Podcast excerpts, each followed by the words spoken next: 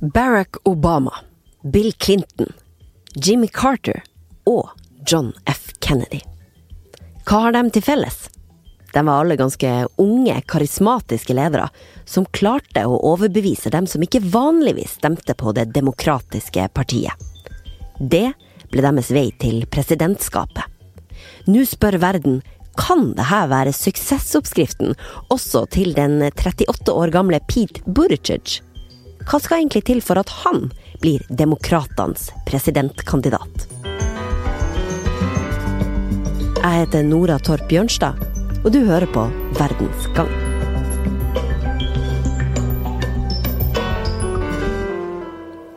Etter at stemmene omsider var talt opp i Iowas nominasjonsvalg, så ble det klart at den tidligere ordføreren og krigsveteranen fra byen South Bend i Indiana, Pete Buttigieg, kunne erklære seg som vinner av denne viktige første delstaten. Tonight, an improbable hope became an undeniable reality. Folk kaller han bare Mayor Pete, og det er det nok en grunn til, for hvem klarer vel egentlig å uttale navnet hvis de ser det skrevet? But i gieg. Men det er altså boot edge edge, som i støvel, kant, kant på engelsk. For øvrig så skriver CNN at navnet kommer fra maltesisk og betyr kongen av fjærkre.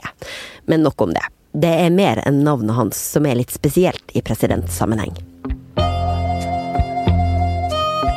Pete ble borgermester i en liten by før han fylte 30. Han er homofil og gift med en mann. Han har vært konsulent i selskapet McKinsey. Han er krigsveteran fra Afghanistan. Buttigieg argeste konkurrenter Joe Biden, Michael Bloomberg og Bernie Sanders er alle over dobbelt så gammel som han. Erik Løkke er USA-kjenner og rådgiver i Civita. Er det sånn at eh, når demokratene velger en ung, karismatisk kandidat, så vinner de valget litt uavhengig av hva kandidaten mener, Erik? Det er jo ting som tyder på at i moderne tid så er det eh, tilfellet.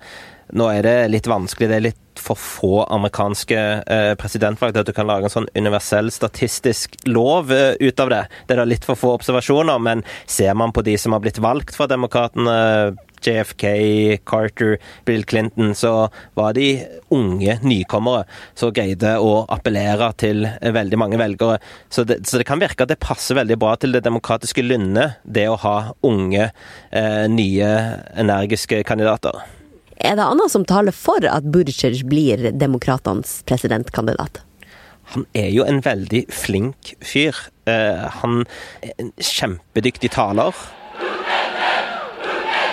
Alle som har hørt han på ulike folkemøter og vinnertalen i Iowa,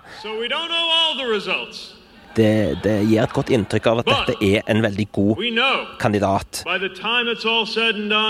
Iowa, you have shocked I tillegg så har han jo en veldig god bakgrunn. Eh, Han har vært eh, Han er, er veteran fra Afghanistan. Han har erfaring, riktignok fra en liten eh, by, men han har også en støtte blant partieliten i Det demokratiske partiet. Han appellerer til mange moderate, og veldig mange sier jo også at eh, han går ganske godt på Fox News, og det er det jo ikke alle demokrater som gjør. Here with us now live is Democratic presidential hopeful Pete Buttigieg. Thanks for coming in. Thanks for having me. Appreciate you being here. I don't know if you want it, the endorsement from Karl Rove. It wasn't a full endorsement, but he just said a moment ago that he thinks you might exceed expectations tonight. Well, I'd hate to come on TV and set an expectation that I'm going to come in ahead of expectations. But what I will say is that uh, we feel a lot of strength on the Selv om eh, det at Burgic er ung og karismatisk taler for at han kan bli valgt, så har det ikke alltid vært åpenbart for hovedpersonen sjøl at han ville ha en sjanse.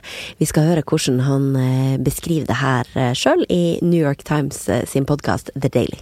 You know, when I thought about it, even well before I was coming to terms with the fact that I was gay, I knew that I had no political connections at home. I had an unpronounceable name, and I was a Democrat who lived in Indiana. Ja, et navn ingen klarer å uttale, homofil, ingen politiske kontakter hjemmefra og en demokrat i det tradisjonelt republikanske Indiana. Men likevel, altså, så eh, ser vi jo nå at eh, han da har momentumet, Erik.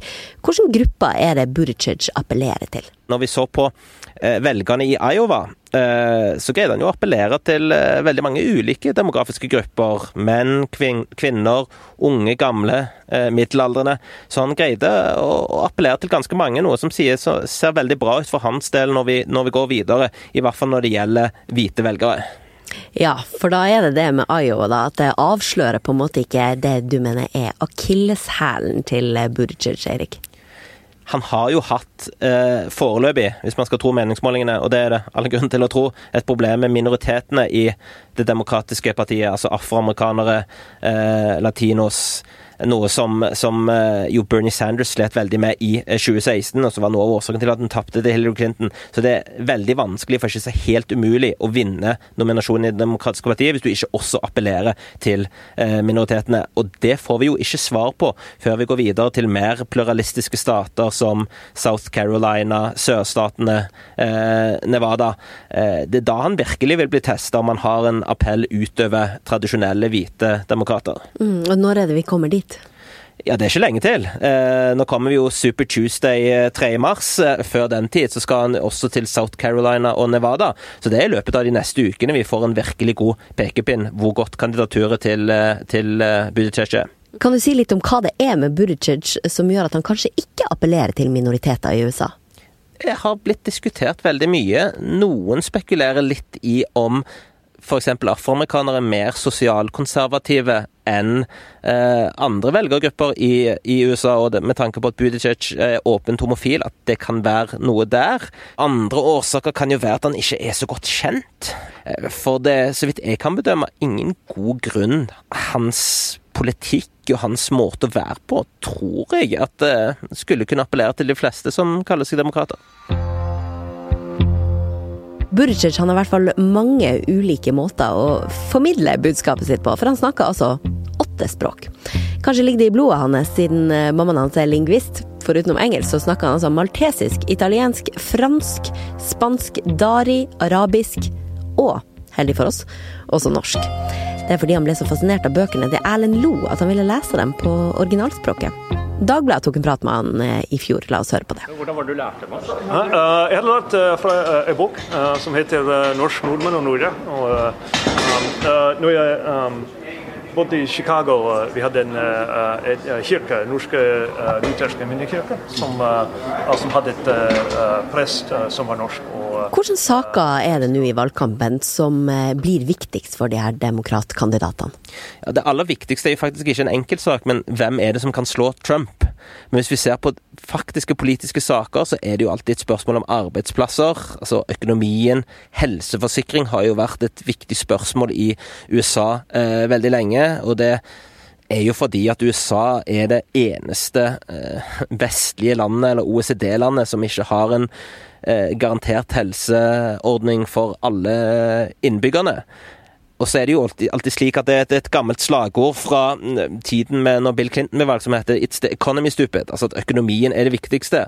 Og noe av årsaken til at økonomien er såpass mye viktigere i USA, altså viktigere i USA enn f.eks. i Norge, er jo at Norge har en mer utbygd velferdsstat. Mm, og siden det her er viktige tema, og Buttigieg har eh, tross alt sanka en god del eh, stemmer allerede, så går jeg ut fra at han snakker ganske godt om de her hovedtemaene. Ja, jeg syns det.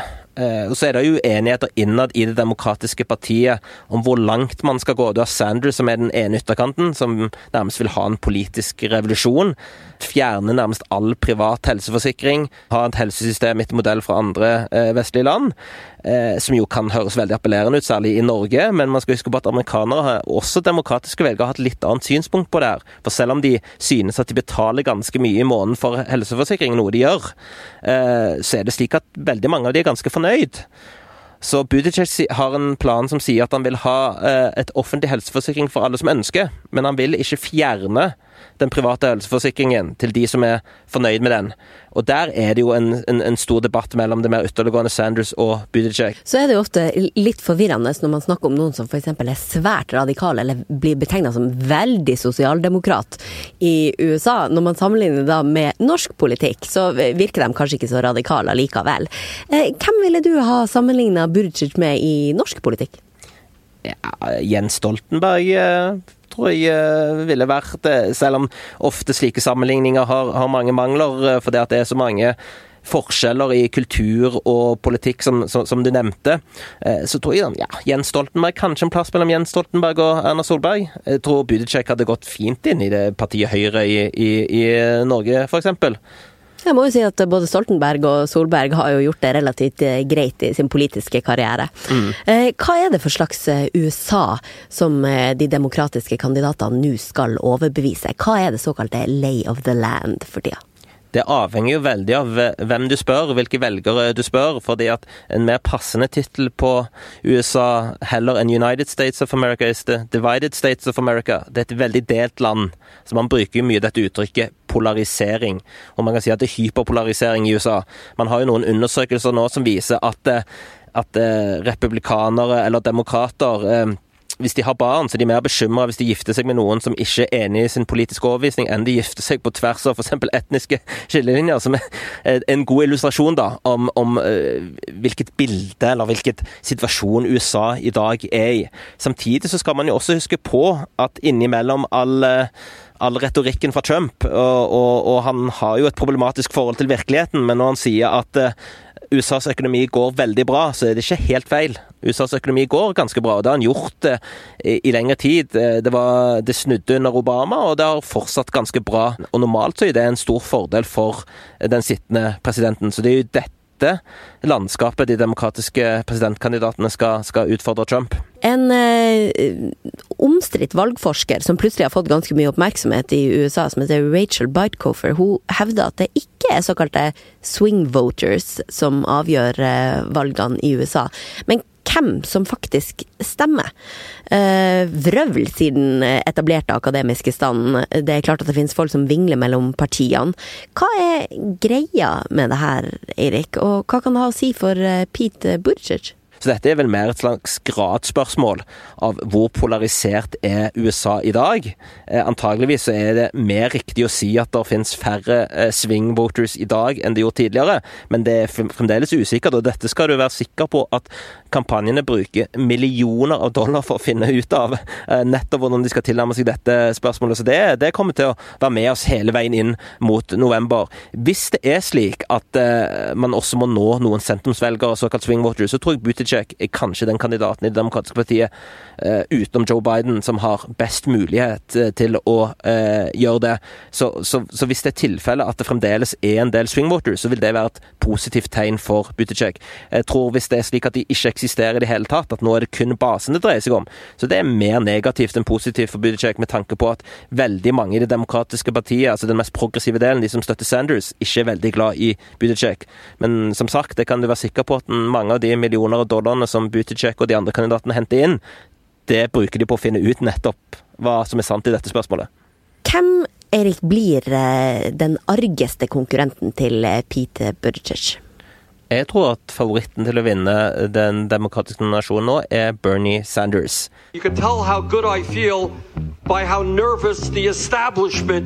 Men det er et veldig spredt felt. Det er ikke noen klar frontrunner, som de sier på amerikansk. station.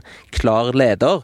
Så du har jo Biden har jo gjort det bra veldig lenge, men han gjorde det eh, dårligere, mye dårligere enn hva han hadde håpa på i Iowa. Han ligger ikke veldig godt an inn mot eh, New Hampshire.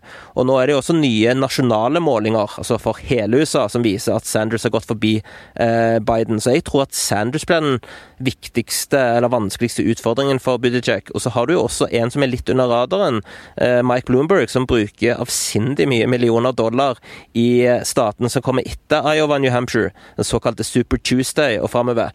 Eh, så det gjenstår å se om Bloomberg kan lykkes med den taktikken. Tidligere presidentkandidater har jo prøvd lignende å hoppe over Iowa New Hampshire. Det har ikke lykkes, men, men det illustrerer jo at det er veldig mange som ønsker å være med i, i nominasjonskampen uh, framover. Mm, så hvis jeg leser deg rett, da, så er det som må til for at Buttigieg eh, skal slå eh, sin eh, potensielt sett argeste konkurrent Sanders, er rett og slett at det tynnes litt ut i eh, kandidatene som, eh, som, tilhører det moderate delen av eh, demokratene. Det vil absolutt være en fordel. Det hadde vært en stor fordel for Buttigieg om det hadde blitt litt færre kandidater, hvor det da er grunn til å tro at flere av de som da hadde droppa ut, velgerne de, hadde gått over til Buttigieg eh, på de fremtidige nominasjonsvalgene. Buttigieg var ikke åpen om sin legning før han var 33 år gammel og kom tilbake fra Afghanistan til ordførerjobben sin. Da hadde han innsett at livet var for kort til ikke å oppleve å være forelska.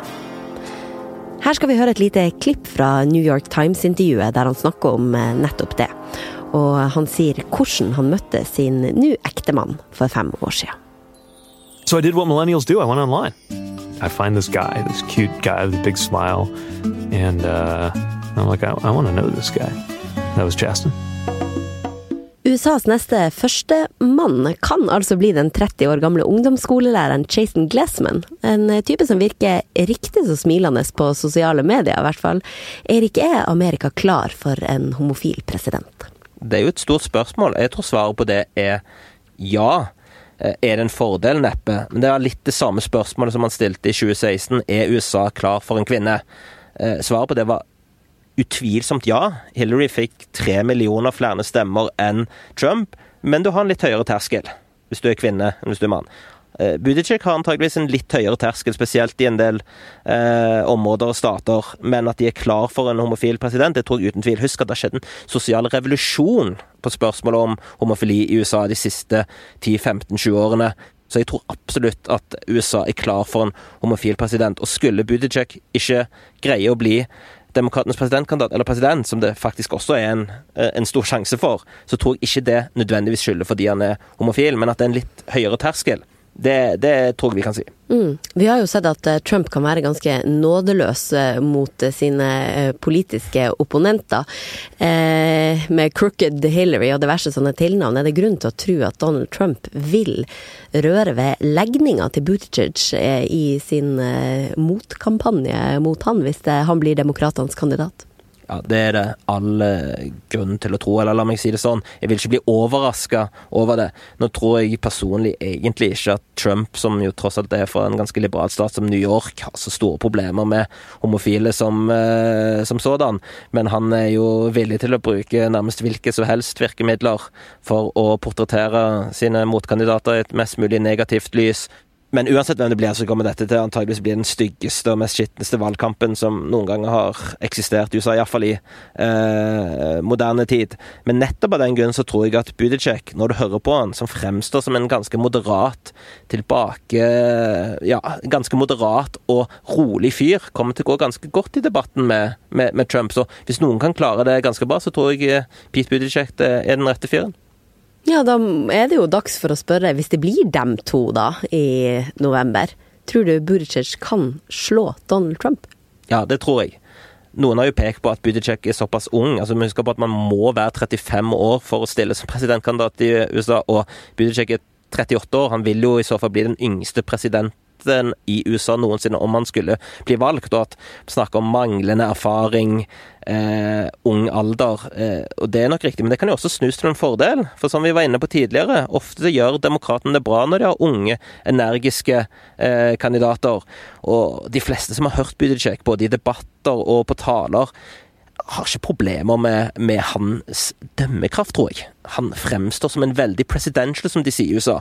Så jeg tror absolutt at uh, Buttigieg har en god sjanse å slå Trump, også fordi at han går bra på Fox News. Han har evne til å nå folk i uh, sentrum, kanskje også tidligere republikanere. Så er jo spørsmålet med uh, hvis han skulle bli presidentkandidat, hva den mest progressive og mest radikale delen av demokratene kommer til å gjøre. Kommer de til Mange mener jo at han er en corporate guy, altså han er Wall Streets person, om de faktisk kommer til å stille opp. Så han må huske på å balansere riktig her, men, men det tror jeg han kan greie. Og jeg, jeg, tror at han har en god mulighet om han skulle bli valgt til Demokratenes presidentkandidat. Du har hørt en episode av podkasten Verdens gang. Den lages av Emilie Hall Torp, Tor Erling Tømt Ruud, Kristine Hellesland og meg, Nora Torp Bjørnstad. Det kommer en rykende fersk utgave av Verdens gang hver eneste dag klokka fire på morgenkvisten. Har du tilbakemeldinger, så eh, blir du medlem av Facebook-gruppa vår Verdensgang. Vi høres i morgen.